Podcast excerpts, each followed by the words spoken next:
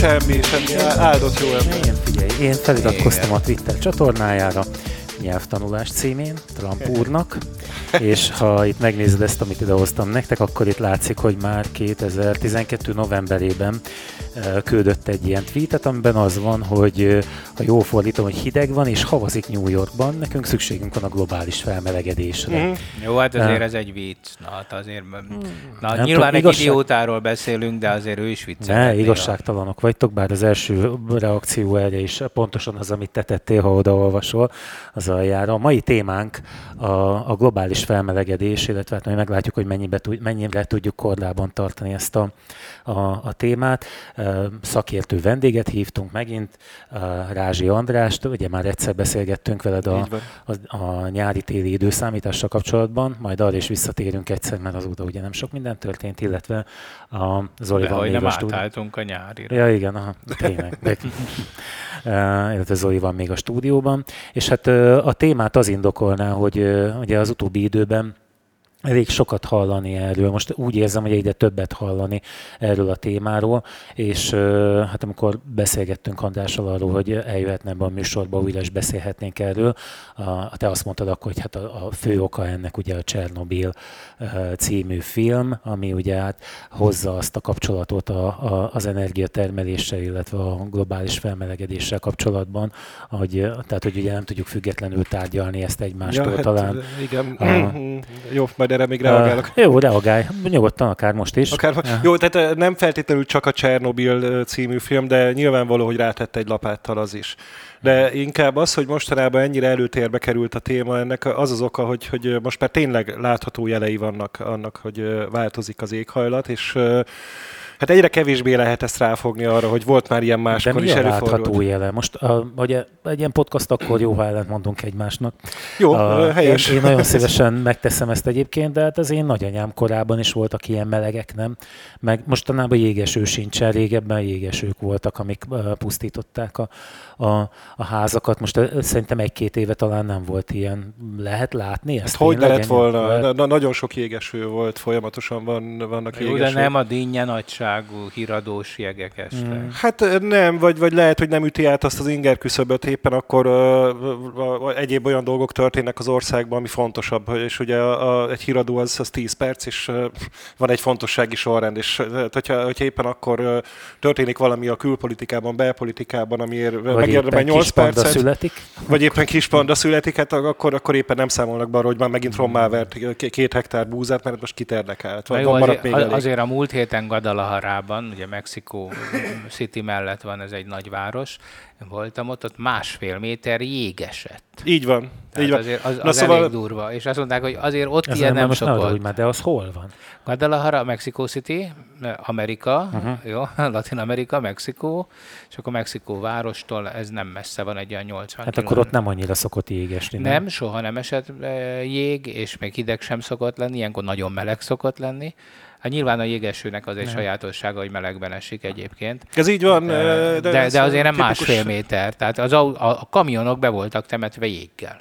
Igen, meg, meg lehetett látni, hogy ilyen rövidgatyás emberek havat lapátolnak. Tehát az ilyen elég érdekes kép, mert ugye régen volt ez a vicc, hogy, hogy még jó, hogy nyáron nem esik hó, meg kinek volna, ilyen, kinek volna kedve ilyen melegbe havat lapátolni. Uh-huh. Hát tessék, eljött az idő, amikor ez, ez is megtörténik. De nem csak ott, amúgy, tehát hogyha, hogyha hogy az időjárási híreket, hogyha ha valaki így, így éles szemmel nézi a, a világba, akkor, akkor egyre több ilyen, ilyen szélsőségről érkezik beszámoló. De most mondok egy másikat, lehet, hogy itt Magyarországot kevésbé érinti a dolog, bár én már azért látok látható jeleket erre is, főleg, hogyha az adatokat összevetjük a, a, idősorokat. De az, ami például most Indiában van, hogy 5 millió ember van gyakorlatilag víz nélkül ez is mondhatjuk, hogy példanélkül. Jó, hozzáteszem, hogy az a kontinens vagy a szubkontinens az elég rendesen el is szaporodott ahhoz, hogy egyre nehezebb legyen őket ellátni ivóvízzel, meg egyéb dolgokkal. De, de akkor is ott megtörtént az, hogy, hogy, hogy egyszerűen nincs víz, egy, egész nagyvárosok száradnak ki egész falvak néptelenednek el, mert, mert egyszerűen ott hagyják az emberek, vagy sokan sajnos meg is halnak az ilyen nagy hőhullámokba. Elmarad a monszun, Tavasszal olyan meleg volt az északi sarkörön, amire soha nem volt példa. Tehát ahhoz, hogy, hogy egyáltalán beszélgessünk erről a globális éghajlatváltozásról, lehet, hogy nem ártana, hogyha ejtenénk néhány szót így a jelenségnek a hátteréről. Na, ejtsünk akkor. Ipari forradalom.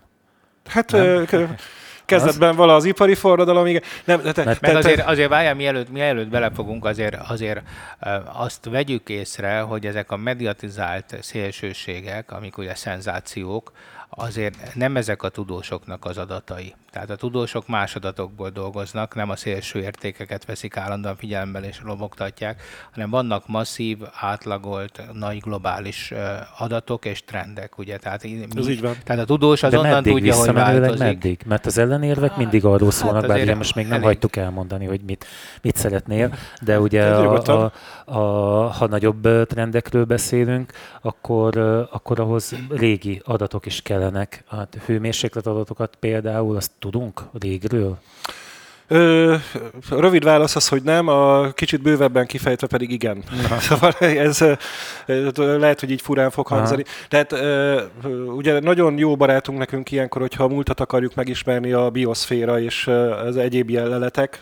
Van ez az úgynevezett pocokhőmérő például. Ez, nem az, de, de, de, a pockot mérik? De, nem, természetesen. Hát ugye különböző ragadozó madrakról tudjuk, hogy, hogy hogyha elkapnak egy pockot, akkor ezt egy az egybe lenyelik, ami kell nekik, azt meg megemésztik, majd utána kiköpik a maradékot.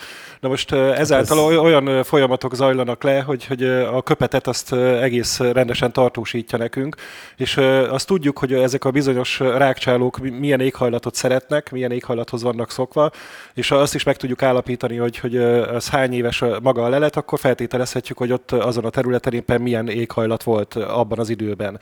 Tehát, De mert a pocok nem változik? Az, annak, az mindig ugyanolyan hang? Hát ez, ez már már biológia, ez már annyira nem az én területem, de, de azért lehet de, tudni. De nem, tehát ilyen távolságban nem, nem változott meg Aha. a pocok ekkor. Tehát a pollenekkel ugyanez a helyzet, ugye, hogy a virág pollenek ugyanígy. Vagy a jégfuratok a, a, az Atlantis, vagy, vagy akár a, a Atlantis, bocsánat, Antarktis. Tehát lesz valami.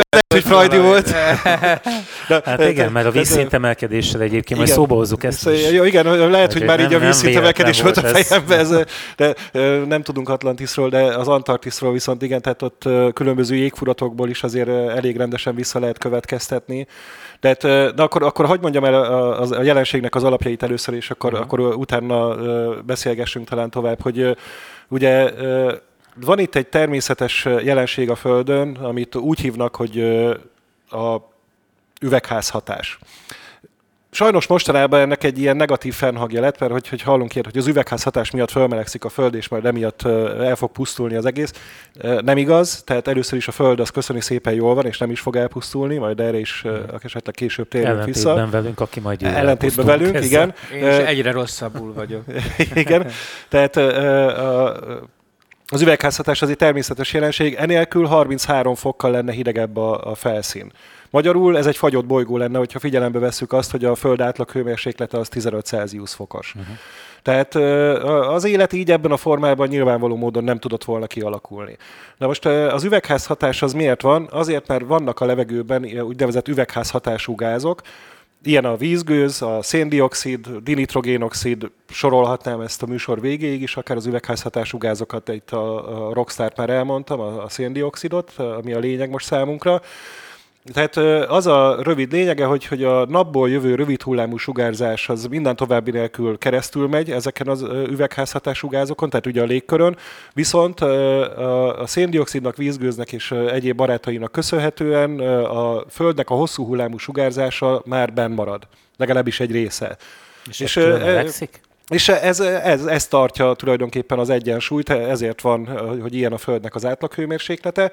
Na és akkor jött az ember, aki olyan széndiokszid forrást talált, amivel energiát termel, nevezetesen kőolaj, földgáz, kőszén, tehát ezek az úgynevezett foszilis eredetű tüzelők, energiaforrások, energiahordozók, aminek köszönhetően, hogy, hogy ezt elkezdtük használni, a széndiokszid szint szépen lassan elkezdett emelkedni. Nem nagyon, csak egy kicsit. Hát illetve most már egyre jobban. Tehát ez, ez mindig viszonylagos, hogy, hogy mennyire sok vagy kevés. Hát erre és vonatkozólag egyébként lehetett látni ilyen ö, ö, kimutatásokat, hogy a, a, az ipari forradalom megindultával gyakorlatilag a, a, ennek a hat, ez a hatás, ez már érezhető volt a gőzgép korában is. Természetesen, igen, csak hát ugye akkor még nem voltunk olyan sokan a Földön. Meg nem tettek katalizátort a gőzgépre, nem? Hát ö, a, a, a katalizátornak nincsen jelentősége Nincs. ilyen szempontból. Tehát ez az, amit tisztán kell látni, hogy a környezetszennyezés és a, az éghajlat kérdése az Hát van közös halmaz, nem is kicsi, de, de mégis két külön dolog gyakran. Hogyha én valamit elégetek, amiben van szén, akkor abból széndiokszid lesz, és ezzel nem tudunk mit kezdeni. Az kimegy a légkörbe. Amúgy a széndiokszid, hogy van a légkörbe, az nem rossz, az kifejezetten jó. Hát anélkül megint csak nem lenne élet a Földön, hiszen a növényeknek táplálék, meg mellesleg nagyon fontos üvegházhatású gáz. Itt a probléma azzal van, hogy, hogy egy picit több van belőle. És hát amit tudni kell, hogy ez a, ez a szisztéma, ami itt a Földön van, belevéve a légkört, a bioszférát és mindent, ez egy nagyon érzékeny, instabil rendszer. Tehát mindig azt a példát szoktam felhozni, hogy, hogy itt van egy 100 kilós test, aki most éppen beszél. A kedves hallgatók most már akkor tudják a, a testtömegemet is. Hogyha ebbe egy gram ciánt belehelyezek, akkor onnantól kezdve megszűnik létezni legalábbis abban a formában nem tud tovább hmm. működni, ahogy eddig működött. És nézzük csak meg az arányokat, 100 kg kontra 1 gram. Tehát 100 ezer, ez egy százezred része, uh-huh. de mégis elég ahhoz, hogy fölboruljon az egyensúly. Hogyha most itt erre a mikrofonra, vagy erre a mikrofon állványra, ami itt előttem van, rákenném ezt a 1 gram ciánt, hát nem történne az égvilágon semmi ő vele. Tehát az ő állványsága attól uh-huh. még, még nem sérülne, hát nem volna érdemes persze fogdosni, nyalogatni, de hát az, az megint más dolog. Mert, mert ő stabil. Én pedig instabil vagyok, és a, a szisztéma, amiben élünk, az is instabil, tehát egy pici változás komoly következményekkel járhat. Na, ennyit röviden a lényegről. De, de lehet azt mondani egyébként, hogy, hogy ezek a fosszilis um, tüzelőanyagok gyakorlatilag a, a földtörténet során egy csomó széndiokszidot megkötöttek? Így van. És gyakorlatilag azt a valamikori élhetetlen emberi környezetet reprodukáljuk azzal, hogy ezt a széndiokszid mennyiséget újra visszajuttatjuk a légkörbe? Nem, Meg itt a felmeleg... No? Nem, nem, nem egészen erről van szó, mert ezek is ugye élőlényeknek a maradékjai, de nem igaz az, hogy a, fák, hogy a fák megkötik ezt a széndiokszidot. A fák Tehát ez egy probléma az őserdők kivágása. Hát ez is probléma, igen. Vagy ez is egy, egy ok. De um, gyakorlatilag um, a, ezek úgy kötődnek meg, hogy maga a fa elnyeli a széndiokszid benn marad a fában? Lehet igen. ezt mondani? Hát tulajdonképpen igen. Hát illetve úgy, hogy, hogy ő belélegzi a széndiokszidot, a szenet megtartja magának, az oxigént azt pedig kiköpi, az Aha. neki nem kell. Tehát akkor gyakorlatilag ők konzerválják ezt a felesleges, konzerváltak egy csomó Így van. úgymond felesleges anyagot, amit a tüzelőanyagként való felhasználásukkal újra visszajutatunk a légkörbe. Igen, de ez, ez még önmagában nem is lenne olyan nagy probléma, mert tehát hogyha most van 100 hektár erdőm, és abból én elégetek évente egy hektárt, és hogyha annak megfelelő köbméternyi fa közbe kinő abból a 100 hektárból, akkor ő tulajdonképpen azt megköti, amit én elégetek. Hát Tehát igen, de te most olyan erdőket égetsz el, akik, akik már nem léteznek. Ugye itt ez a, ez a probléma. Itt, itt az viszont már sőt, probléma. Sőt, tehát... ugye ezek az erdők, még az is egy érdekesség, hogy tulajdonképpen magukat végezték ki azzal, hogy felzabálták a széndiokszidot.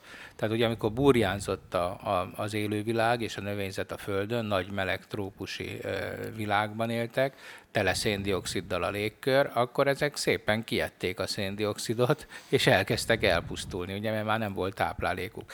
Ez a rengeteg elpusztult növény, ez süllyedt le a mélybe, és hát most ezek a foszilis energiaforrásaink, és tehát a kérdésedre a válasz az, hogy igen, felszabadítjuk a lekötött széndiokszidokat. Egyébként csak egy része, ami a, a, a, szen, a foszilis anyagokban van, másik részét egyszerűen a vizek ugye feloldották. Na most minél hidegebbek a vizek, annál többet tudtak feloldani. Igen. És valami tenger alatti metánról is lehetett olvasni, hogy a az, az, még, az, az még ugyanez, az még a lesüllyedt igen? foszilis dolgok, igen. Tehát az még abban a kategóriában, hogy van amelyik a föld alá ment, van amelyik a víz alá és akkor ott egy záró réteg miatt nem tudott följönni. De a, a víz, tehát szénsavas a, a víz, ugye enyhén szénsavas, de hát ilyen sok víz, az rengeteg szénsavat megkötött. Tehát Hajaj, szén, hát, hát, több, tehát milliárdszor, milliárdszor, Igen, milliárdos e- tonnákról Egyébként ez azért mondom, mert ez most a legújabb kutatási irány, hogy, hogy, hogy most kezdik azt számolgatni, meg modellezni, hogy egy picike emelkedés, ugye és megint itt az András instabil környezetéről, vagy az instabil rendszerére reflektálva, hogy most, most látjuk azt, hogy egy nagyon picike hőmérséklet emelkedés például az óceánokból hatalmas mennyiségű széndiokszidot szabadít fel, mert már nem elég hideg, nem tudja úgy lekötni, mint a hideg víz, és ez pedig még inkább melegíti a légkört, és még több jön föl. Tehát egy ilyen ördögi spirálba Igen, bármikor egy folyamatban megy át. Igen, hát ezt úgy hívjuk, hogy pozitív visszacsatolás. Szóval hogyha ha egyre jobban melegszik, annál több széndiokszid jön föl. Hát nagyon egyszerű a, a példa, hát most, hogy, hogy tudományoskodjunk egy kicsit, ugye a folyam, minden gáznak a folyadékban való oldódása az egy exotern folyamat, Ergo minél hidegebb, annál többet tud magában tartani. Ez uh-huh. fordítva van, mint amikor cukrot teszel a teába. Hát ugye a hideg vízben nehezebben oldódik, a forró vízbe könnyebben. A, a széndioksziddal fordítva van, hát gondolj csak a szénsavas, szénsav tartalma, hát, legyen kóla, hát nem lehet te sör? Jó, mindegy. Sör. Legyen sör, hogyha már nyár van. Tehát ugye sokkal kisebbet sziszen a hideg sör, mint a meleg sör, és a hideg sör az nem habzik föl, hiszen ott van hidegen, sok széndiokszid benne, nem szabadul föl belőle olyan könnyen. Hogyha melegen bontott fel, akkor ugye könnyebben kihabzik. Tetszik nekem ez a tudományosság. Ugye? Igen. Hogy felsziszennek az óceánnak a sörök. Igen, igen, igen, hát csak ja. sajnos most már majd sziszennek az óceánok, és ez rá fog tenni még egy lapáttal és hát a következmények, na, ez itt egy nagy kérdés. Na beszéljünk erről, hogy, na, hogy mik a lehetséges következmények. Én megpróbáltam végig gondolni, ugye a laikus fejével, bár azért utána olvastam a témának, de hát ugye a, az egyik, ez a, amiről állandóan beszélnek, ugye az élővilág környezetének megváltozása, illetve az élő, élő környezet megváltozása, bár én ennek a negatívumát látom egyelőre, ugye, hogyha itt egyre melegebb van nálunk, legalábbis én ezt érzékelem, hogy eltűnik, tehát rövidül a tavasz és az ősz, mint hogy, tehát, mintha a két uh, éjszaka, nyár és a tél az sokkal hosszabb lenne, és ugye tartok attól, hogy mondjuk megjelennek itt mindenféle trópusi állatok, kígyók, és majd én is nézhetem a cipőmben, hogy van-e benne pók, amitől a hidegráz például, ezek, ezek mondjuk az elviselhető részei lehetnek. Hát, De mik azok? Nem biztos, hogy annyira nem. elviselhetőbb. Hát, hogyha jön egy trópusi szúnyog, és hozza magával a, a trópusi baktériumokat, akkor annak annyira nem fogunk körülni. Tehát azért ne felejtsük, fel vagyunk mi készülve a maláriára itt Magyarországon? Szerintem nem. Tehát, uh, vagy, a pol- poloskák, nézd meg a poloskákat. Ugye eddig nem is ismertük ezt a mennyiségű poloskát, és most pedig özöllenek. Na jó, de hát az, az mit nem, most a, poloskántól nem lesz különösebb bajunk, nem? Hát a... attól nem, persze nem, nem is a poloskától. De amikor megeszi a kajádat, mondjuk a, a, a veteményest, akkor már igen. Aha. Igen, meg hát hogyha ettől drágább lesz majd egy kiló kenyér, vagy egy kiló sárgarépa, mert, mert drágább lesz a növényvédelem, meg hát nem is beszélve arról, hogy jó ráhibáztál, szóval nem is az, hogy rövidül a tavasz, hanem inkább itt az a probléma, hogy, hogy hosszabbodik a vegetációs időszak. Az De, mit jelent? Tehát uh, hamarabb uh, indul be a, a vegetálás a, ugye az alvó növényzetnél, és, ké, és tovább eltart. Tehát uh, sokkal jobban ki vannak téve a, a, a növényeink, a mezőgazdasági uh, uh, produktumaink a, a, például a tavaszi fagynak. Mert hogyha beindul a, a netkeringés kicsit korábban, majd utána jön egy fagy, mert a fagy az jönni fog még attól, így az áprilisi fagyok, de ő már sokkal előre haladottabb állapotban van, mint általában olyankor lenni szokott, és elfagynak a rügyek, ami akkor még nem szokott lenni például, amikor, amikor jön az a, ez a bizonyos fagy, mert hogy ő már előrébb van hmm. két-három héttel, és, és, és akkor abban az évben nincsen termés. Tehát a kitettsége a növényeknek De ezzel most is lehet találkozni lesz. már, nem? Természetesen. Hát igen. Tehát mindig volt ilyen, tehát uh, ilyenkor szok, szoktak jönni nagyszájú ilyen klímaszkeptikusok, hogy át, máskor is volt már ilyen. Hát persze, máskor is volt már ilyen, ez, ez rendben van. Csak hogy hát egyre, egyre gyakrabban füstölni van. a szőlőben például, nem? Ez a, nem akkor van? A füstölé, igen, igen, igen, igen, az is egy megoldás. Hát, igen, mindenféle. Igen. Van, például vizet permeteznek, most ugye az a legkorszerűbb, amikor ráfagy a víz, igen. és a jég az egyik legjobb hőszigetelő, tehát azzal védik meg. Uh-huh. Na jó, de ezek mind költségek, tehát ugye amiről András beszélt, hogy, hogy lehet itt persze, tehát alkalom is gondolom szerintem a műsort majd elviszük biztos egy olyan irányba, hogy hogyan tudunk ehhez alkalmazkodni, mert itt egy dolog, már valószínűleg Fontos megelőzni lenne. nem tudjuk, tudunk valamicskét tenni ellene, de a leg legfontosabb, az az alkalmazkodás lesz majd. Hát akkor beszéljünk erről, hogy lehet alkalmazkodni ehhez. Mi egyáltalán, hát persze arról, akkor először azt kellene elmondani, hogy mi, mire lehet egyáltalán számítani, milyen lesz a jövő ezzel ebben a kérdésben? Hát ugye kettő dologról kell beszélnünk. Az egyik az, hogy, hogy a globális következmények, a másik pedig a lokális következmények. Most a globális következményekkel nem nagyon fogunk tudni mit kezdeni, sajnos. Mert hát ahhoz kicsi ország vagyunk, kevesen vagyunk, itt fel kell készülnünk rá. Ja, mire gondolsz konkrétan? Mi, népvándorlásra? Hát például, például a népvándorlás. Tehát most mondok csak egyetlen egy nagyon egyszerű, de, de durvának tűnő példát, hogy nincs rá nagy esély, kevesebb, mint egy százalék esély van arra, hogy, hogy a következő 50 évben a golfáramlat megáll. Na most, hogyha a golfáramlat megáll, akkor egy ilyen majdnem olyan, mint egy ilyen mini jégkorszak köszöntene be Európa északi részére. Na most ez, ez így nem tűnik olyan veszélyesnek, de hogyha ha, hogy ránézel a világ térképre, hogy ez mekkora területet érint, hát, hát nem nagy. De ugyanakkor, hogyha jó belegondolunk, azon a területen, hát ott van nagyjából 20 millió ember, viszonylag nagy jóléthez vannak szokva, és hát tulajdonképpen élhetetlen lesz a környezetük. Ők kettő dolog közül választhatnak, az egyik az, hogy elrontottuk, vegyük tudomásul, hogy meg fogunk halni, vagy a másik az, hogy megindulnak és keresnek új területet. És az egyik részüknek rengeteg atomtenger alatt járója van. Igen, meg nagyon jó grippeneket gyártanak arra, szóval van mivel új területet keresniük. Uh-huh. Ennek az esélye mondjuk az, hogy fél százalék, Hát, hogyha most azt mondom neked, hogy, hogy adj egy ezrest, fél százalék esélye van rá, hogy nyersz egy milliót, hát még az is lehet, hogy belemész, mert hát most jó, buksz egy ezrest, hát nem, nem, nem nagy dolog, hát majd ettől még de nem. Azért, de, de most, most azt mondom, hogy, hogy adok egy millió forintot, hogyha itt van előttünk 200 lőfegyver, egy meg van töltve. Válasz ki egyet, emeld a homlokozot, húz meg a ravaszt, és hogyha nem az volt megtöltve, akkor akkor, akkor adok egy millió forintot. Amikor már a vesztedet okozhatja, akkor már sok a fél százalék. Uh-huh. Hát azért, és, bár, mert most Norvégiára gondolsz, gondolom. Hát természetesen a De egy rettenetes hosszú, vagy hogy mondjam, magasra fölmegy, és ott, ott, ott, ott, ott rettenetes Jó, hidegekhez vannak szokva eddig is, nem? Murmansk, azért gondolj bele, Oroszország északi része a, a támaszpontokkal mindenfélevel. Tehát az oroszok, ők is szeretik hát, a hideget. Én nem tudom, hogy az oroszok majd nagyon el akarnak-e onnan jönni, a, mert ugye van egy olyan vetülete is ennek, hogy ugye hát olvad a, a jégtakaró, ezáltal ugye újabb területek válnak könnyen elérhetővé, az olajmezők kitermelése véget, ugye vitás, tehát politikai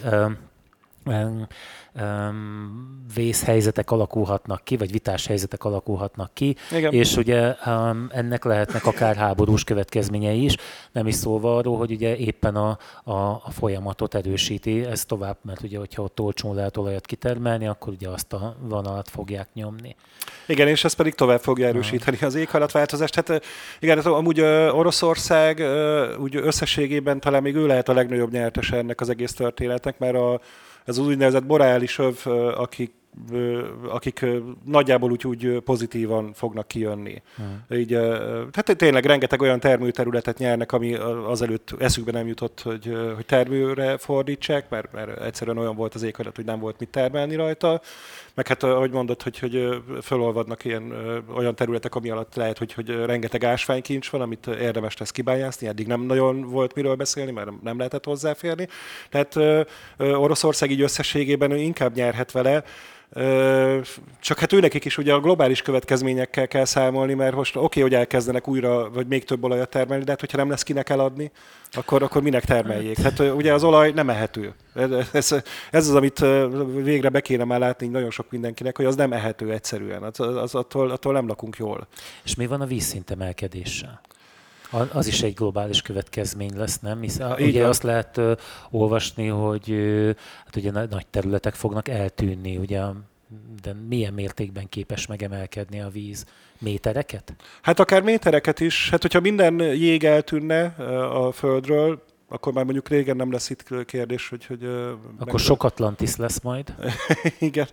De, de hogyha, hogyha minden jég eltűnik, akkor ez több tíz méter. De, de itt elég ilyen egy méteres tengerszint emelkedés ahhoz, hogy, hogy már globális következmény, globálisan érezhető következményei legyenek. Hát, Hollandiát mondogatják. Hát például Hollandia, Hollandiának annyi, akkor, de, de, de rengeteg európai tengerparti város lesz lakhatatlan. Hát egész óceánia gyakorlatilag útra fog kelni, ugye elindul gondolom Ausztrália, Új-Zéland felé, tehát ott, ott hatalmas nagy fájtok lesznek, ez nem kérdés, mert ott tényleg eltűnnek országnyi szigetek. Igen, igen, tehát egész, egész városállamok, egész ilyen szigetországok fognak megszűnni. És ugye a, a vízszintemelkedés nem úgy kell ám elképzelni, hogy szépen ülünk, és akkor így emelkedik a víz, és akkor úgy szépen felemelkedik feljebb De mondjuk egy kicsit így felemelkedik, hanem mindez valami eszméletlen viharokkal fog járni. Így van. Tehát az egyméteres víz, amikor egy 300 km per órás ciklonnal találkozik, egy, már egy ekkora emelkedés, akkor az viszont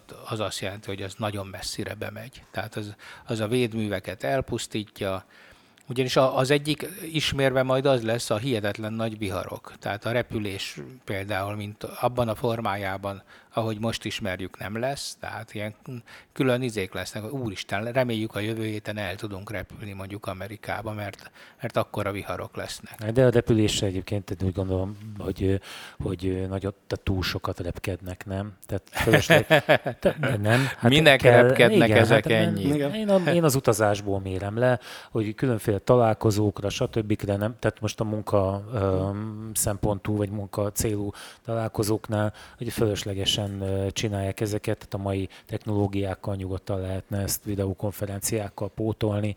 Hát látszik, hogy egyébként egy csomó ilyen home office lehetőség nyílik meg, nagyobb cégeknél is, um, úgyhogy én, én ezt akkor valamelyik héten néztem, hogy mennyi volt egy ilyen animáció, ahol a repülőgépek mozgását lehetett látni, hát ott szinte alig volt szabad az égbolt. De hát ha fölnézek Egerben az égre, itt is lehet látni mindig. Persze. Hogy, és, hogy, hogy mi történik. Na majd nem lesz ilyen. Na és mi lesz az állatvilággal? Mert itt mindig lehet hallani azt, hogy na, kipusztul ez, kipusztul az. Én ezt megmondom neked őszintén, hogy én soha nem voltam ennek ilyen nagy hogy nem hozott engem letargiába ez, mert hát állandóan régen is kipusztultak fajok, nem? Hát, De keletkeznek amúgy újak. Persze, hát az evolúció nem állt meg, hát ez, ez, ez mindig De megy, vol, mi, mi keletkezett de... mostanában? én, ez, ez nem úgy meg tudom mondani, egy... kipusztultam, mit tudom én, a dodómadár például, ugye azt tanultuk, de hogy, hogy de mi, mi keletkezett? Hát, ez nagyon nem az én szakterületem, de hát nyilván egy emberöltő alatt azért nem úgy van, hogy, hogy kipusztult a dodó, de, de, de, de jött helyett egy... De emberöltők alatt pusztulnak ki, tehát egy csomó faj pusztul. Hát kevesebb ki faj alatt. van, rendszerűen persze, tehát inkább pusztulnak a fajok, mint keletkeznek. Hát az egy lassabb dolog a keletkezés a pusztítás, meg ha elég ügyesek vagyunk, hmm. akkor elég gyors tud lenni. De hát itt van az új ember, ez a homo mit tudom, netikus, vagy internetikus. Igen. Hogy, aki végre home office-ban lenne. Hát home office-ban ki lehet bírni a, a jég alatt is. Hát, Vagy de, nem, nem tudom. Én, én de honnan lesz hozzá energia? Mit fogunk enni? Tehát hát, itt, itt, ezek a nagy kérdések. Szóval ugye az ember hajlamos nem kilépni a komfortzónájából, és, és azt mondani, hát most globális felmelegedés, hát majd akkor nem kell annyit fűteni. Hát az jó, nem? Hát nem, nem jó. Hát megmondta nem, Trump nem is különben, nem? Hogy hát jó, hát... New Yorkba, és akkor minden oké. Okay. Igen, igen, de hát, én azt mondom, hogy, hogy én inkább bevállalom azt a három hetes kemény fagyot, mint hogy ennyit küzdjek a darazsakkal, mint amennyit idén is küzdünk.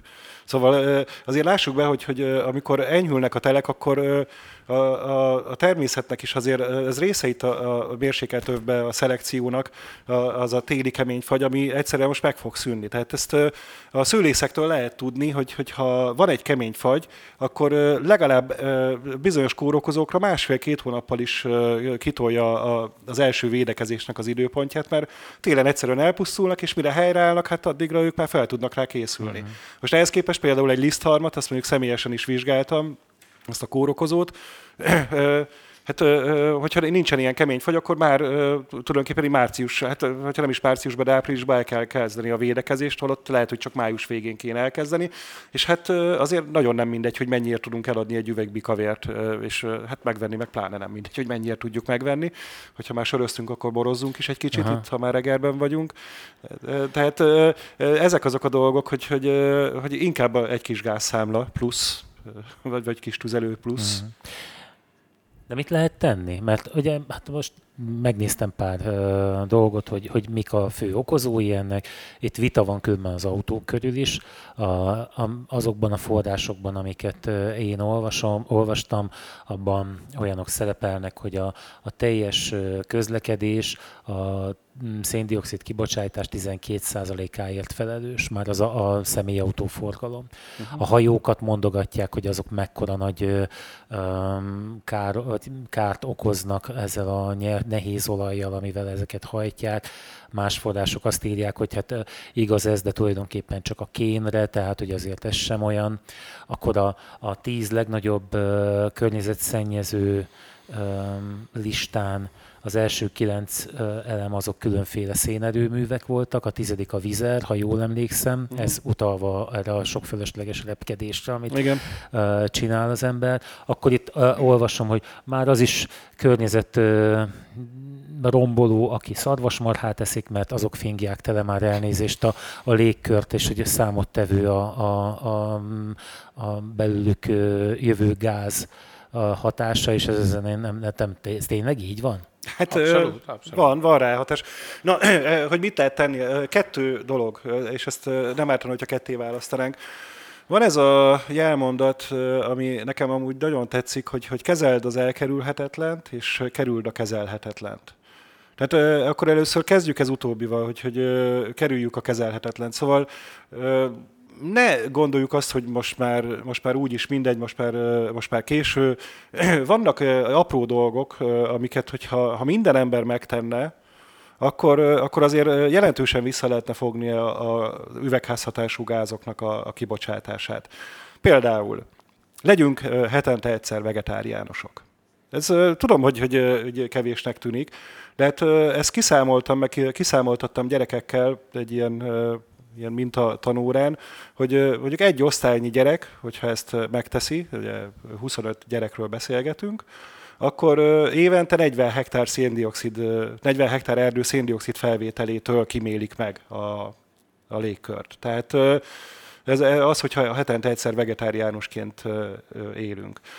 De ezek a, tényleg ezek az apróságok, hát ö, ö, mindig ezt szoktam mondani, tényleg három szabály van az éghajlat tudatossághoz. Az első az, hogy spórolni kell, a második az, hogy spórolni kell, a harmadik az pedig, hogy spórolni kell.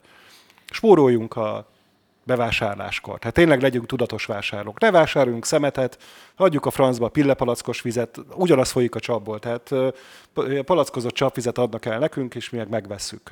Néha én is őszintén megmondom, de azért tartózkodom. De te tőle. szódát veszel igazából. Hát a bubis vizet, de, de, de, de most, már, most már inkább cserélgetem a, a szódás palackot, mert arra is megvan a lehetőség. Tehát ez az egyik, meg, meg egy általában tudatos vásárlásnál, szóval minél kevesebb szemetet vásárolunk meg, annál, annál környezettudatosabbak, annál éghajlattudatosabbak vagyunk. Na de figyelj már, itt van például ez a mostani mozgalom. Ti próbáltátok azt a műanyagmentes dolgot? Nem. Nem. Na, én most készültem az adásra, otthon megfogtam Áginak a kis üvegedényét, amit az IKEA-ba vett, van ilyen fedele, lementem, hát ilyen fél három körül, hogy ne legyenek sokan a spárba. Szétnéztem, hogy mit tudnék venni. Hát a teljes pultról semmit nem tudnék venni, mert minden műanyagban van. Uh-huh. De a, hát ugye a, el, eljutottam a húsos pultig, ott a nénik, akik mindig kiszolgálnak, előhúztam a dobozta ebből a szatyorból, amit vittem magammal, és mondom a nénnek, hogy haragudjon már, de ha ebbe kérnék én most húznak a Párizsit, adna? És akkor azt mondja, én is hallgattam a Balázs műsorán. De magamban erről lekéstem. Azt mondja, hogy na, a szabály nálunk az, hogy a pult túloldaláról nem hozhatok ide be semmit. Uh-huh. Tehát gyakorlatilag már itt megbukott a dolog. Kifelé, mert nem tudtam volna kifizetni az automatánál, mert uh, ugye abban az üvegedényben lett volna 20 a Párizsi, amit leveszek a mérlegről, ugye ott az automata fizető uh, pénztárnál, az meg mitten 30 dekát mért volna, biztos, hogy sikított volna, hogy nem jó a, uh-huh. a, az, amit uh, mérek. Azt a, a vonalkódot a, a dobozomra kellett volna ragasztani. A, nem, nem, tudnánk, nem tudnánk venni egy sör, bár sör tudnánk, üveges sör tudnánk venni. Hát nem? üveges vagy a dobozos sör se rossz, hogyha utána szelektíven uh, használ.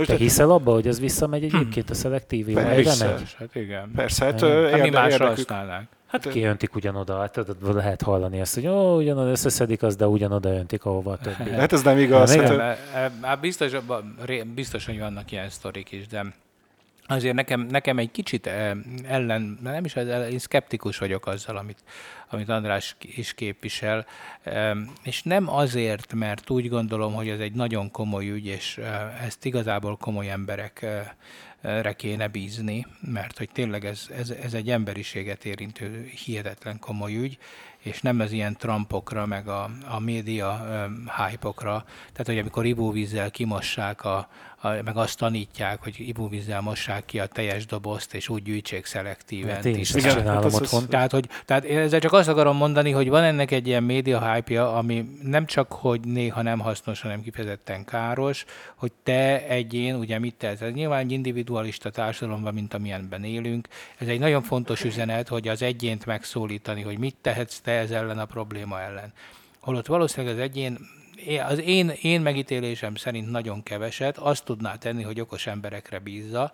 Hát ennek vagyunk a tanulni, hogy erre a legkevésbé hajlandó ma az egyén, tehát mint hogyha kerülné, mint a, a, a ördög a tömjén füstöt az okos embereket a nép és egyre hülyébbeket, és egyre ilyen pászkaszájúakat bíz meg, akik, akik el tudják szédíteni mindenféle hülyeségekkel. De hát én most épp megnéztem, ugye nekem nap elemem van a háztetőn, és most az elmúlt tíz napban 275 kg-nyi, 275 kg tehát ez még nálam is ne, nagyobb tömeg, eh, széndiokszid eh, kibocsátástól mentettem így meg a bolygót, csak, csak 10 nap alatt, azzal, hogy én magam állítom elő az energiát. Hát persze ebben nincs benne a napelem előállításához használt mm. különböző széndiokszid kibocsátások, de azt gondolom, hogy ez már egy, egy, egy viszonylag mérhetőbb lépés. De hát a legfontosabb, ahogy te is mondtad, ugye az első tízben a kilenc a foszilis üzemanyagú erőművek. Tehát a nagy kibocsátókkal kell, nem a dízelautókra kellene kihegyezni a, a, ezt a hülyeséget, amik egyébként valószínűleg energiasűrűség szempontjából az egyik legjobban működő és leghatékonyabb energiafelhasználású gépek a helyváltoztatásra. Tehát hiába mondják, hogy a villanyautók ellen, amikor a villanyt pedig foszilis erőművekben állítják elő. De hát ez nem igaz, ez, ez nem igaz. Hát egy részük el, attól minden ország más. Hát, hát van, van, ahol igaz, van, ahol nem igaz. Hát jó, Magyarországon kevesebb, mint a Magyarországon kevesebb. Magyarországon kevesebb, de hát ha globálisan nézzük a Földet, ha globálisan nézzük a Földet, akkor viszont már igaz, hogy jelenleg a foszilis eh, erőművek azok sokkal nagyobb problémát okoznak, mint, mint például szegény marhák, igen. Ugye, vagy, szóval ért, értitek, vagy a vizel. Hogy csak, a vizel, igen. csak azt sokkal jobban lehet kommunikálni, hogy na, egy, legyél vegán. Ugye, mert honnan tudod, hogy valaki vegán, ahogy a vicc mondja, hogy 15 másodpercen belül elmondja neked. Ja. Tehát, hogy ezek a, ezek, ezek a, a hype-olt uh, attitűdök, ezek úgy tűnik, hogy lenyomják a racionális gondolkodást. Értem én, hogy a marhák tényleg egy kicsit sok, sok vizet fogyasztanak, meg sok széndiokszidot büfiznek, egyébként nem, tehát előjön ki a metán, meg a széndiokszid. Nem, nem inkább, inkább metán. Igen, metán, igen, tehát igen, tehát, de, de szóval, hogy nem hátul. Igen, és. Tehát a, a Akkor rosszul tájékoztattam a, a, a, a Nem, csak, csak ez megint a média. A médiának ez jobban hangzik, hogy fingik a, a ló, mint az, hogy büfizik a paci. És, és ez, ez, egy, ez egy erősebb a marha. cím. A marha. Hmm. Na, mert, de a lovak is, tehát hogyha több lovat ennénk, ugyanez lenne a probléma a lovakkal is, tehát általában ezekkel a kérődzőkkel. Na de, de hogy, hogy visszatérve erre, hogy ez egy nagyon komoly ügy, és tényleg, tehát a valódi hatás a rendelkező dolgokat kellene először kezelni, mert én, én, én klímaszkeptikus vagyok még mindig abból a szempontból, hogy még mindig nem látom száz százalékig bizonyítottnak ezt a dolgot, de nem is igénylem. Mert azt mondom, ha egy kicsi esély is van arra, hogy az emberi beavatkozással ezt a folyamatot lehet egy kicsit csökkenteni, esetleg ezt az instabilitást valahogy visszarendezni, és, és vagy késleltetni, vagy nem tudom micsoda, mert ugye nem, nem, nem látom én annyira feltártnak ezt a mechanizmust, de azért nálam okosabb emberek azt mondják, hogy ez, ezt azért most már fogadjuk el bizonyítottnak, hogy, hogy, hogy tényleg van, és trendszerűen van, és valószínűleg ebben része van az emberi tevékenységnek is. Tehát én is hajlok rá, és hogyha ennek olyan, mert ugye itt valószínűségekről beszélünk, tehát ezért még mindig nem lehet feketén-fehérre, meg hát a tudományban pláne nem, de ha ez így van, akkor viszont mindent meg kell tennünk azért, hogy ez a dolog ez mérséklődjön. És hát én itt látom azt, hogy akkor viszont nem a, nem a bohóckodást kell csinálni, hogy gyűjtsed szelektíven a dolgokat, hanem például olyanok, vagy kell csomagolni a, a, a fogyasztási cikkeket, amiket könnyen tudjunk szelektálni, automatikusan akár. De hát nincs de, is ilyen jelen pillanatban, ez lehetetlen. Hát igen, ezek, ezek a problémák, de hát itt lenne az okos embereknek a felelőssége, ah. hogy olyan, olyan ökológiai és fenntartható rendszereket csinálni, hogyha tudjuk, hogy burjánzanak a csomagolóanyagok, akkor, meg ez a Throwaway Society, ugye, hogy eldobálunk mindenfélét, és egy mekiből, ha kijössz, akkor, a, akkor több szemetet hagysz hátra, mint amennyi súlyt megeszel, vagy tömegű kaját megeszel. Igen mert hogy ez milyen, milyen jól eladható cucc. Szóval, hogyha ezeket egy kicsit mondjuk komoly emberek rendbe raknák, és azt mondanák, hogy ne csak üvegben lehet mondjuk folyadékot, ami, ami nem hát visszaváltható, volt, hanem, az hanem a... újrahasznosítható. De az az, az volt a baj, hogy nem volt gazdaságos elmosni. Persze most már ugye, hát, hát nem tudom, hát, mert ma már egy 70-80 forint. Igen, nem elmosni igen, kell, de, de, de, bezúzni és újra csinálni. Meg azt mondja, akkor, is, akkor is meg kell tisztítani. Most egy kicsit hagyj reagáljak már erre. Na. Szóval ebben nem értünk egyet most, Zoli, mert szerintem az egyén felelőssége az ugyanúgy megvan ebbe a kérdésbe. Mindig azt a példát hozom, most nem, nem leszek vulgáris, csak kis, kis, kis, profán. Mióta tudjátok, hogy nem szabad az utcán pisilni? Miért nem szabad az utcán pisilni? Tehát ugye gondoljunk csak bele, hogy hogyha százezer éves az emberiség, akkor hát mondjuk azt, hogy, hogy ez a fajta attitűd, ez, ez kb. ezer éve alakulhatott ki. A férfiakban. Kont, kont, kontra százezer év. Tehát, mert azelőtt az erdőbe ment az ember, és hogy éppen pisilnie kellett, hát akkor megállt és pisilt, és ment tovább. Hát de most hát is most, az erdőbe mész és pisilni Ha kell. ez erdőbe mész, akkor igen, de most már ugye nyilván az utcán ezt nem teszed meg, tehát akkor kicsit, hogyha kényelmetlen is, de akkor hazamész, vagy keresel egy, be, beugrasz egy kávéra, nem akarsz kávézni, de azért iszol egy kávét, hogy beengedjenek, vagy keresel egy nyilvános vécét, mondjuk abban itt Magyarországon nem állunk jól, de, de akkor is valahogy tényleg csak végszükség esetén van az, hogy az ember félreeső helyre megy, és akkor elvégzi a dolgát. Azért, mert ez zsiger Igerből megtanultuk, hogy ha mindenki ott brunyálna, ahol éppen rájön a szükség, akkor hogy néz neki a város. Tehát ez egy közérdek, amit, amit meg kellett tanulnunk, és most már ez zsigerből bennünk van. A környezetvédelemmel kapcsolatban pláne az éghajlatvédelemmel kapcsolatban azért ne felejtsük el, hogy itt ez az egész még ilyen egy emberöltő óta kezdődött. Tehát itt, itt még nagyjából úgy elvből vannak, ilyen elvi környezetvédők vannak, és vannak bizonyos cselekedetek, amiket már zsigerből csinálunk, tehát hogyha visszaemlékszem a 80-as évekre, így a gyerekkoromra, messze nem szemetelünk annyira durván, mint akkor. Tehát sokkal szemetesebb volt a 80-as évek, mint a, amilyen most. De Annak az ellenére... volt, másképp volt szemetes? De, nem, nem, nem. Tehát, hát meg azbeszből építgettünk házakat. Hát jó, hát azt, azt szépen nem tudtuk, de, hát, de most itt nem az a kérdés, csak a, a, például a szemetelés az már, tehát a, a gyerekemnek eszébe nem jut eldobni egy, egy nem, papírt. De nézd meg például. A, de, tehát csak még a picit, hogy, hogy, hogy, hogy fejezzem be, hogy, hogy ez az éghajlat tudatosság is olyan, és én amúgy ebbe látom a megoldást. A mi generációnak már mindegy. Tehát most már mondhatjuk, hogy ne vegyél nagy autót, meg húz ki a konnektort. Hát az ember kihúzza, kihúzza, de hát az elv az olyan, de mindegy, most nem mondom ki a hasonlatot, de, de hát amikor nem látja, úgy is enged belőle uh-huh. mindenki. De, de vannak dolgok, amiket egyszerűen zsigerből csinálunk, és abból meg nem tudsz nem engedni, tehát az, az, az úgy, úgy kell, hogy legyen, mert van egy csomó minden, amiről nem is tudjuk, hogy, hogy miért van ez. Hát például ez a, a utcán pisilés, vagy vagy, vagy lehet, hogy, túl, hogy most gondolkodnék, akkor találnék már még rá példát, hogy egyszerűen így hozta a közérdek, ez kialakult bennünk,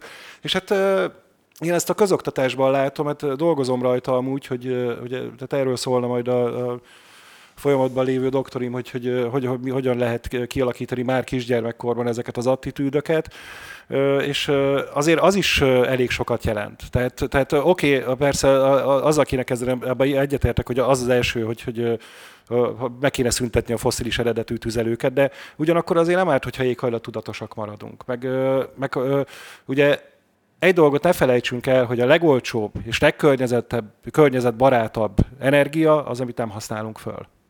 Tehát ja, ez, ez, ez, ez ilyen egyszerű, hogy, hogy minden energiatermelés sántít valahol. Gondolom, hogy szóba fog jönni ez is, hogy akkor most atom vagy nem atom, de, de minden energiatermelés sántítani fog valahol, tehát nem szabad abba a hibába beleesni, hogy, hogy azt gondoljuk, hogy ami megújuló az jó, ami nem megújuló nem jó, és akkor kész, fekete-fehér.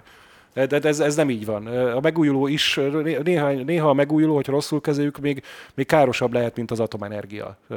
Nagyon sok esetben. Nem mindig, de, de, de nagyon sok esetben. Már mire gondolsz? Itt a szélenergiával kapcsolatban a hanghatásra, vagy mik, mik szoktak jönni? Hát, hogy a fatüzelésű erőműveknél például, hogyha nem... Hát az, akkor, az, az megújuló. megújuló. Az megújuló. Az, az megújuló. Hát persze, hát ez nem passzilis. Igen, helyreáll ugyanaz az állapot. Igen, igen. Hát nem tudom. Én amikor Berente oldalánál elmegyek az autóval, és látom ott azt a rengeteg fatörzset a bükkből kivágva, akkor mindig arra gondolok, hogy én, én meg nem motorozhatok az erdőbe, érted? És közben meg mit művelnek Hát vele. igen, mert te olyan fákat égetsz el, amik két millió éve halottak. nem azért. De visszatérve még a szemetelésre, néztétek ti már itt a belvárosban a sötét burkolatot esőben, vagy eső után? Nem. Hát majd egyszer nézzétek meg, hogy hány ezer darab rágógumi van eldobva, amit szárazon nem látsz rajta, csak akkor, amikor esik, akkor ott virít. Ez És nagyon... például ez, ez az igény, ez, ez nem tűnt el. Hát ez az orbitet urbit, ugye ezt ismerjük. nem, mi ez? ez a rágó gumit a padlóra. Igen. De, de nem ez a lényeg. Hát én, én például megmondom, mit tartok itt szemétnek, azt a térkövet, amit leraktak. Ja, most ez... Tehát nem, ezt komolyan mondom. Tehát én mert értem én, hogy ugye miket, mi, mi, mi, hogy a szemétnek ugye olyanokat tartunk, amik mondjuk a rágógumi a térkövön. De hát belegondolt valaki, hogy mi az Istenért egy ilyen eh, klímainstabil eh, világban miért kezdünk el olyan technológiákat használni, amik nyilvánvalóan élhetetlenebbé teszik a saját környezetünket. Nem, Például a térkő. Szempont, nem? De hát tudom, hogy nem szempont, de én ezt így, itt már én ezt szemetelésnek nézem a térkövet. Aha. Tehát én kifejezetten azt egy olyan, olyan feles, felesleges térkövet? dolgok elhelyezése, ugye, vagy, vagy igen, tehát nem kíván dolgok elhelyezése a, a, a, a köztereken, az, az szemét, és a, a térkő az például ilyen, én ezt hihetetlen károsnak tartom, hogy, hogy például az a szemléletformálás, és abban teljesen egyetértünk, András, hogy én is látom, meg érzékelem, hogy az Z-generációnak ez lesz a nagy topikja. Tehát ők, ők, ők teljesen, nekem vannak Z-generációs ismerőseim, és hát, hogy mondjam, két fajta van. Az egyik az úgy, az, tehát aki, aki beleszarik, már pedig ez a generáció nyilván olyan, mint ahogy mi is olyanok voltunk, amikor olyanok voltunk, de még akkor is azért a lelke mélyen tudja, hogy tehát ő, ő neki ez már valódi ö, ügy.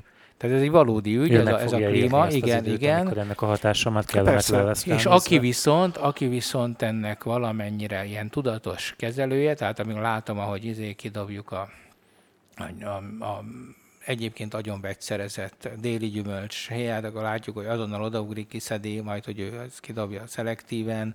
Látom, hogy, hogy egyébként technológia tagadók, tehát hihetetlen mennyiségben jelennek meg ezek a russzóista gondolatok, és, és aztán ennek ilyen elfajzott logika. Mire gondolsz? Hát vissza a természetbe, az a jó, ami nem mesterséges, ami nem korszerű, hanem ami maradi, hogy a nagyanyáink azok még, hogy járjunk gyolcs ruhába, hogy költözzünk ki, hogy, hogy saját kezülekkel őrölni kő, kifejezetten kőmalomban a búzát, Aha. és azt kell lenni, és de komoly ez, értelmiségiek. De ez volt, persze. Aha. Tudom, hogy volt, de most egyre több van. Egyre több van. Aha. Tehát egyre több van, és ezek hihetetlen veszélyesek. Azt gondolom a haladásra, a gondolkodásra, ezek, ezek, ezek értem én, hogy immunreakciók, nyilván a, a, a felgyorsult, érthetetlen messzi világra, tehát hogy minden zavaros, és a, ez a vissza a természetbe, ez egy világos, egyszerű ideológia, de én azért azt látom, hogy ezek az emberek nagyon instabil gondolkodással bírnak, és szerintem társadalmi veszélyességük kézzel fogható. Hát én ez úgy hívom az ilyeneket, hogy a sötét zöldek. Tehát ez, ez nem megoldás. Azért nem, ennyit, nem azért dolgozott ennyit az emberiség így évszázadokon keresztül, hogy létrehozzon egy, egy, tényleg egy ilyen élhető civilizációt, hogy most utána meg menjünk ilyet és akkor, mert az a baj, hogy, hogy amiket mondasz, azok után általában meg szoktak jelenni az oltás ellenes Persze, mozgalmak. Abszolút, és a, ez mind ugyanaz. És a, tehát az ilyeneket, ugye, tehát nem tudom, hogy elhangzott mert... Jobb hogy, csírájában elfolytani hát, az ilyesmit, nem? Hát, igen, igen, igen, igen, tehát én ugye nem tudom, hogy, hogy volt-e már róla szó, én ugye itt az egyetemen tanítok, itt az, az EGRI egyetemen, többek között óvoda pedagógus képzésbe, és egyszer, amikor így előadáson fejti ki nekem egy leendő óvónő, hogy ő oltás ellenes, akkor ilyenkor sajnálom, hogy nincs hozzá elég hatalmam így tanársegédként, hogy azonnal elzavarjam az intézményből, hogy ne legyen belőle óvónő. Tehát, mert ő ebből az illetőből utána óvónő lesz, elmegy valamelyik faluba, és ő lesz a falu, hát a felső, első tíz emberének az egyike, akire ugye hallgatnak a, a a, a kevésbé tanult népek, hát az óvónő is azt mondta, hogy ne adassuk be a gyereknek, akkor ne adassuk. Hát ő biztos tudja, ő tanult ember.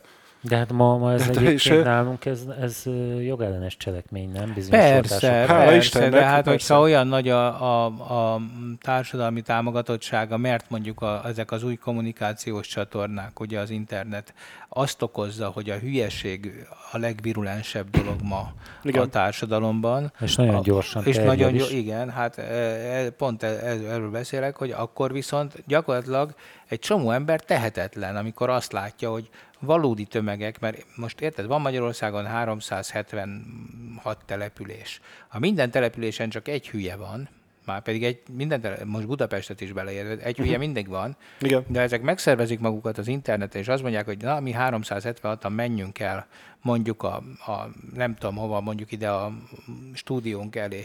És, várjuk és meg ezt a három Várjuk gyereket. meg ezt a három barmot, ezt a, akkor, akkor azért futnunk kell. Hát annyival már nem bírnánk el, igen. Akkor azért futnunk kell. és, és, hát, és akkor itt az, az egész világ. Tehát, ugye, mert eddig az az egy szerencsétlen, az azt hitte, ő szégyelte, hogy ő ilyen. Tehát tudta, hogy ilyen, szégyelte, nem nagyon hangoztatta, így gondolta, de most azt látja, hogy hát nem is vagyok egyedül. Hát Igen. Hát egész sokan vagyunk. Ugye? Igen. Ők az elsők, akik rögtön közlik, hogy és más már nem, nem szégyenből, hanem büszké hülyék.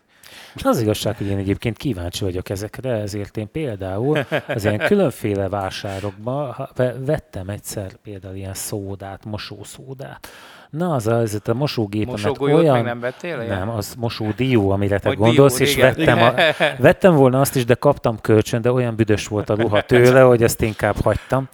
De ez, ez, ez de, de, nem konkrétan is... testszagú maradt, szóval ezt mi is hát kipróbáltuk. Nem láttam értelmét most. Igen, igen, tehát, ez, ez, ilyen alapon... De, ez... de hát én úgy gondolom, hogy egyébként kipróbálni érdemes ezeket, mert az ember azt, azt kell, é, hogy persze, elhiggye, amit persze, lát. Itt van például erről a kóláról szóló különféle rémtörténetek, hogy mi, mit tudom én, mire használják, meg megeszi a csontot, meg a többi. Én volt feleségem hülyének nézett, mikor én fölraktam a szekrény tetejére egy doboz kólába, vagy egy pohár kólába az ebéd után maradt csirkecsontot, hetekig volt benne egy szöggel egyetemben, mert állítólag azt is széteszi. Semmi nem történt, Semmi nem csak történt, ki se fényesedett. Hát de, de ezt úgy nagyon szeretik ezek, a, ahogy mondjam, akik ezeket keresik mert, mert erre nyitottnak kell lenni különben, hogy az ember ezeket elhiggye, ezt, ezeket Persze. a hülyeségeket. Hát, hogyha a hülyeségeknél tartunk, hát akkor visszakanyarodva a témához, hát vannak a drága klímaszkeptikusok, akik, akik szerint meg az egész éghajlatváltozás biznisz, az, az egy kitaláció, hogy ebből még több pénzt lehessen majd leszedni, és hogy, hogy hát biztos, csak hogy a... van benne biznisz van benne, és hát lesz hát, egy réteg, nincs? aki, hát lesz egy réteg, nincs? aki ezt fogja látni benne. Már van, már van. Tehát ez, hát a széndiokszid kvótákkal kereskednek országok, teljesen hivatalosan, tehát az, az egy teljesen hivatalos dolog, hogy, hogy most meg, megveszünk néhány tonna széndiokszidot Spanyolországtól, vagy ők megvesznek tőlünk, és akkor ez, már, ez, már ez, a kibocsátási jogát. Igen, ah, igen, igen. Hát ez, ez, ez egy működő dolog, de hát, hát mindenhol ott, ott van a, a, valahol a... Jó, hát ez a, elvileg a szegény országoknak a segítéséről szólna, de hát nem ez történik. Hát nem ez történik, igen. Hát, mindig, mindig van, tehát ugye egyik kedvenc filmem a, a Schindler listája is ugye arról szólt, hogy a fickó abból gazdagodott meg, hogy háború volt. Egészen addig egy tehetségtelen üzletember volt, de jött a háború, és akkor, akkor mindjárt, mindjárt lett tehetsége. Állítólag a Schindler utána is is csóró maradt, mert háború nélkül már valahogy nem volt akkor a tehetsége a pénzszerzéshez, az megint más, hogy utána mire fordította, tehát ez, ez hogy egy, azóta is egy nagy tisztelet, köztiszteletben álló figura.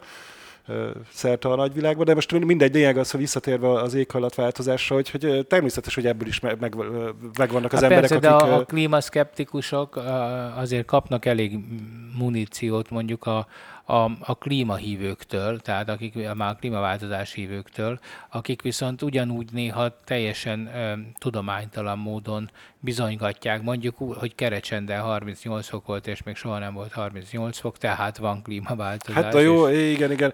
Na most egy dolgot tisztázzunk.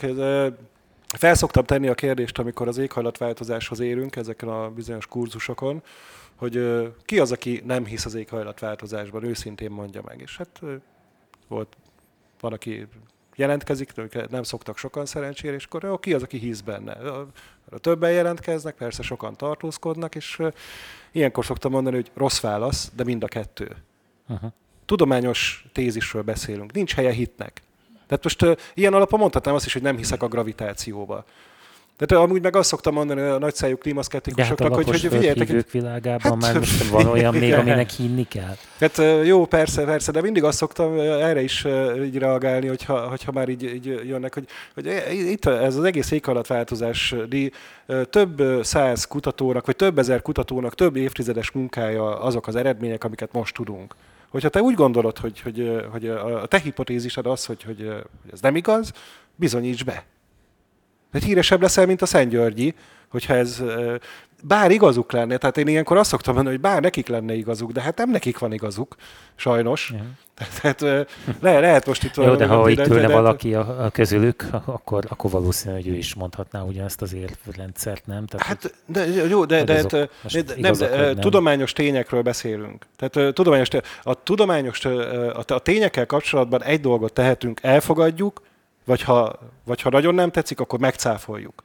De ez, ez, ez, ez nem arról fog szólni, hogy, hogy, hogy mi többen mondjuk. És akkor... akkor mert Jó, azért azt azért tudni kell nyilván, hogy ez egy, ez egy nagyon bonyolult stoasztikus rendszer, rengeteg ilyen véletlenszerű folyamattal. Tehát vannak nagyon, nagyon komoly tudósok is, akik azt mondják, hogy ők még nincsenek száz százalékig meggyőzve azokról az erős állításokról. Most nem arról, hogy persze melegszik az éghajlat, ezeket, ezeket tudjuk, hogy melegszik a Föld az elmúlt időszakban, de hát ugye, ahogy te is mondtad, azt is tudjuk, hogy régen is voltak melegebb, meg hidegebb korszakok, amikor még ember nem is volt. Ugye hát ezeket de, de, ez az, ez az, de ki is pusztult én néhány ember, ez néhány Jó, csak állat, hogy, de akkor, nem is, de akkor nem az ember csinálta, mert ugye nem is létezett. Tehát, hogy ez egy, ez egy, ez egy lehet, hogy másra vezethető vissza. Hogy mondjam, tehát ezt, ezt akartam érzékeltetni, ez egy nagyon komoly ügy. Tehát ez komoly embereket igényel, akik, akik képesek szkeptikusak lenni mindennel szemben, mert hogy azért tudós valaki, hogy ugye mindent megkérdőjelez, és Igen. nyilvánvalóan a, a klímaügy is olyan, amit meg lehet kérdőjelezni. Viszont csak így a végére azért forduljunk már erre a Csernobil ügyre egy picikét, Jó. Hogy, hogy szóval ez az atomenergia, ugye, ami, ami szintén egy ilyen őrület tárgya szerintem ma már. Hát Magyarországon meg még kapott egy vajszínű árnyalatot, ugye ezzel a, a paksi bővítéssel, ami, ami egy teljesen másik történet ráadásul, mert igazából a, a kettőt külön kéne választani, hogy az atomenergia és az atomenergia ellenesség, mondjuk, hogy egy Németország, ahol egy atomfizikus egyébként a kancellár, ugye, mert ezt Merkelről kevesen tudják, hogy hogy ő egy, egy rendes képzett Így van. tudós ember. Igen. És hogy ők ugye úgy döntöttek, hogy nem hajlandók atomerőműveket üzemeltetni. Egyébként társadalmi nyomásra, tehát ott azért a, a, a méregzöldek nagyon erősek voltak. Egyébként Svájc is csatlakozott ehhez. Hát Svájc is, de hát Svájcban ingyen van az áram, mert olyan magasról zuhannak le a vizek, hogy tele vannak gravitációs áramfejlesztőkkel. Tehát Igen, azért... hát, úgy könnyű, hát Norvé- Norvégiának is a 90%-át ugye vízerőművek látják el. Igen, de Franciaországban hát például ugye, ez ugye fordított a helyzet. Hát ott, ott, vagy, ott atom van, igen. Vagy az USA-ban, vagy hát ugye Japán, akik, akik aztán tértek történelmileg is, meg hát ez a szerencsétlen balesetük miatt is utálhatnák a, az atomenergiát, és ott a társadalom egyébként még mindig nem annyira atomellenes, bár ott is a kormány azért ezt, ezt meg, tehát úgy, úgy érzem, hogy tehát ott is ugye van egy program, hogy leépítik az atomerőműveket. De Magyarországon pedig hát egy, nyilván egy, egy, egy korrupció és egy keleti függés rakódott rá egy teljesen más tudományos ügyre. Ami, Jó, de hát, ami egy... igen, most ezt a részét inkább, ez, ez nyilván egy másik műsor. Azért mondom, de... hogy ez egy, ez itt, itt, itt két dolog keveredik, igen. hogy, hogy ki, mit, ki miért utál valamit, de hogy az atomenergiát utál, és akkor most megjelent, ebbe rugott bele ebbe a, a Luffy-ba jó erősen a, a Sernobyl sorozat. Igen. Hát de igazából azért, hogyha itt megnézitek ezt a diagramot, amit hoztam, a 60% fosszilis energiaforrásból állítjuk elő a világ számára szükséges energiát, ez szerint. A, ha itt jobban meg, tehát itt még van, mi szerepel vízenergia egész nagy mennyiségben, 20% körül, ez nekem meglepő volt, atomenergia világon 10% és ugye ezek után jönnek még az olyanok, hogy szél, biomassa és egyéb megoldások, ami, amik már ebben a kördiagramban aránylag ö, kicsik. Én azt hittem egyébként, hogy sokkal több, vagy sokkal nagyobb szeretet hasít ki az atomenergia ennél, valami 500 körüli erőmű van a világon. De hát itt, hogyha az, ér, kevés, az érveket kevés. nézzük, különben, nem tudom, ti te atomenergia párti vagy egyébként, András? Te mit Abszolút. gondolsz? Szerintem, Igen? szerintem jelenleg az a, az a legjobb.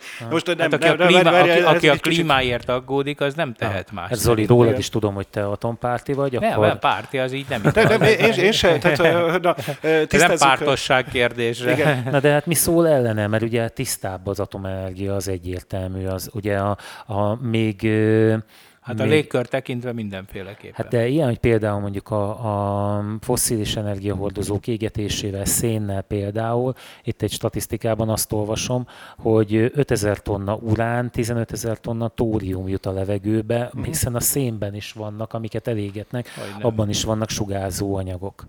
Uh, viszont ugye sokkal olcsóbb, nagyon drága az atomerőmű létrehozása, és aki ezt a Csernobyl sorozatot látta, az előtt világos, hogy ott is ugye az egy, egy egyik oldalról a, az olcsósítás okozta, a, vagy, vagy az vezetett a, a katasztrófa felé.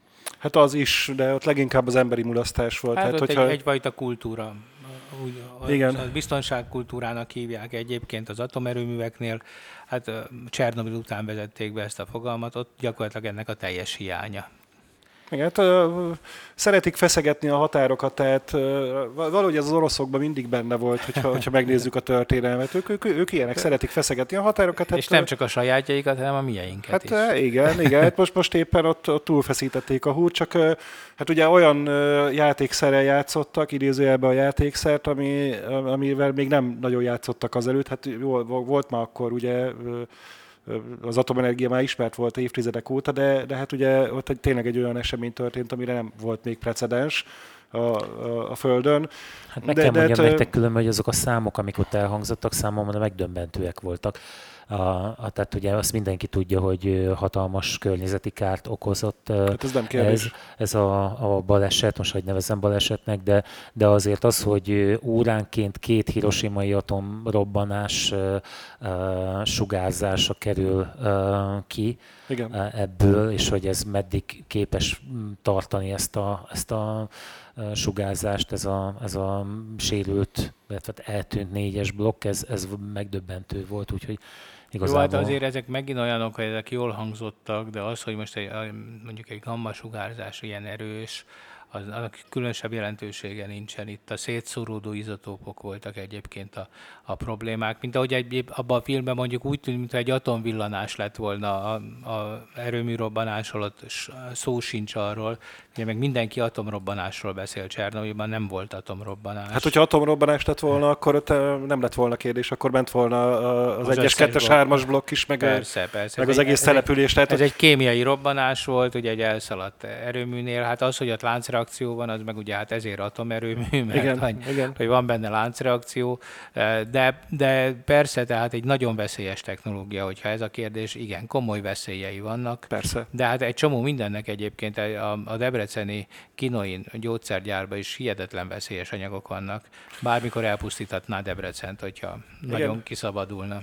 Csak egy dolgot ne felejtsünk el az atomenergiával kapcsolatban. Tehát a, a legdurvább, legbrutálisabb baleset, ami történt ideig az emberiség történetében, az ugye Csernobil. Ez egyértelmű.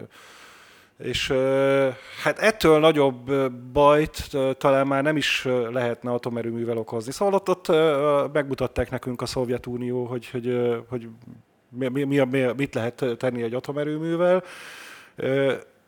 Igen, és akkor, akkor most jöjjenek is, a számok, és, és akkor most jöjjenek, és a számok. most jöjjenek a számok. Akárhogy is nézzük, az a probléma nagy területet érintett, de lokális volt a probléma, lokalizálható volt a probléma.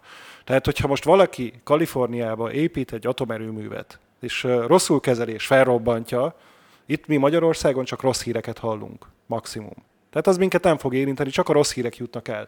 De hogyha építenek helyette 10 szénnel fűthető erőművet, és továbbra, tovább pöfékeljük a széndioksziddal a légkört, és itt Egerben nem fogunk tudni szőlőt termelni, na az már a mi problémánk is. Tehát itt el kell különíteni a lokális és globális problémákat, és a foszilis energiahordozók azok globális problémához vezetnek, minden egyéb az összes többi energia forrás, energiatermelési mód az lokalizálható. És ez egy óriási különbség. Igen, szerintem is ez, ez, a, ez a legfontosabb. Nem beszélve arról, én olvastam egy nagyon érdekes tanulmányt, hogy ugye mik fognak kifogyni, milyen erőforrásokból fogunk kifogyni. Egész triviális dolgok, például a hélium. Ti tudtátok, hogy nem sokára elfogy a hélium.